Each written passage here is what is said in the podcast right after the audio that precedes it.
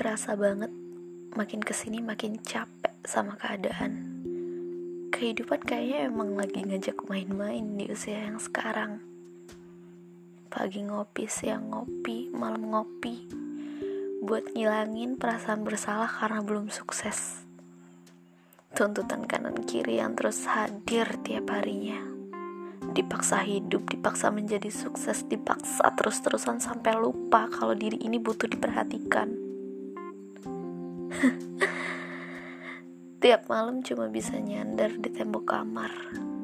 Karena semakin ke sini, teman-teman juga punya urusan lain yang lebih penting. Tatapan kosong mengharap ada harapan hidup baru buat besok pagi. Mikir, gimana caranya bisa bertahan hidup tapi keadaan kayak gini. Hidup baru aja dimulai.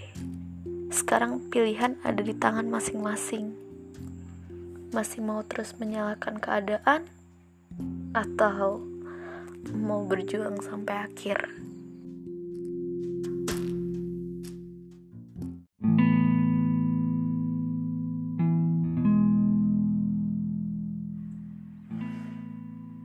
Um, sebetulnya ada banyak ribuan pertanyaan yang gak pernah keluar dari kepalaku tiap malam cuma jadi pertanyaan yang paginya harus cepat-cepat dilupain. Kapan, kenapa, gimana? Kayaknya itu terus-terusan yang aku tanyain.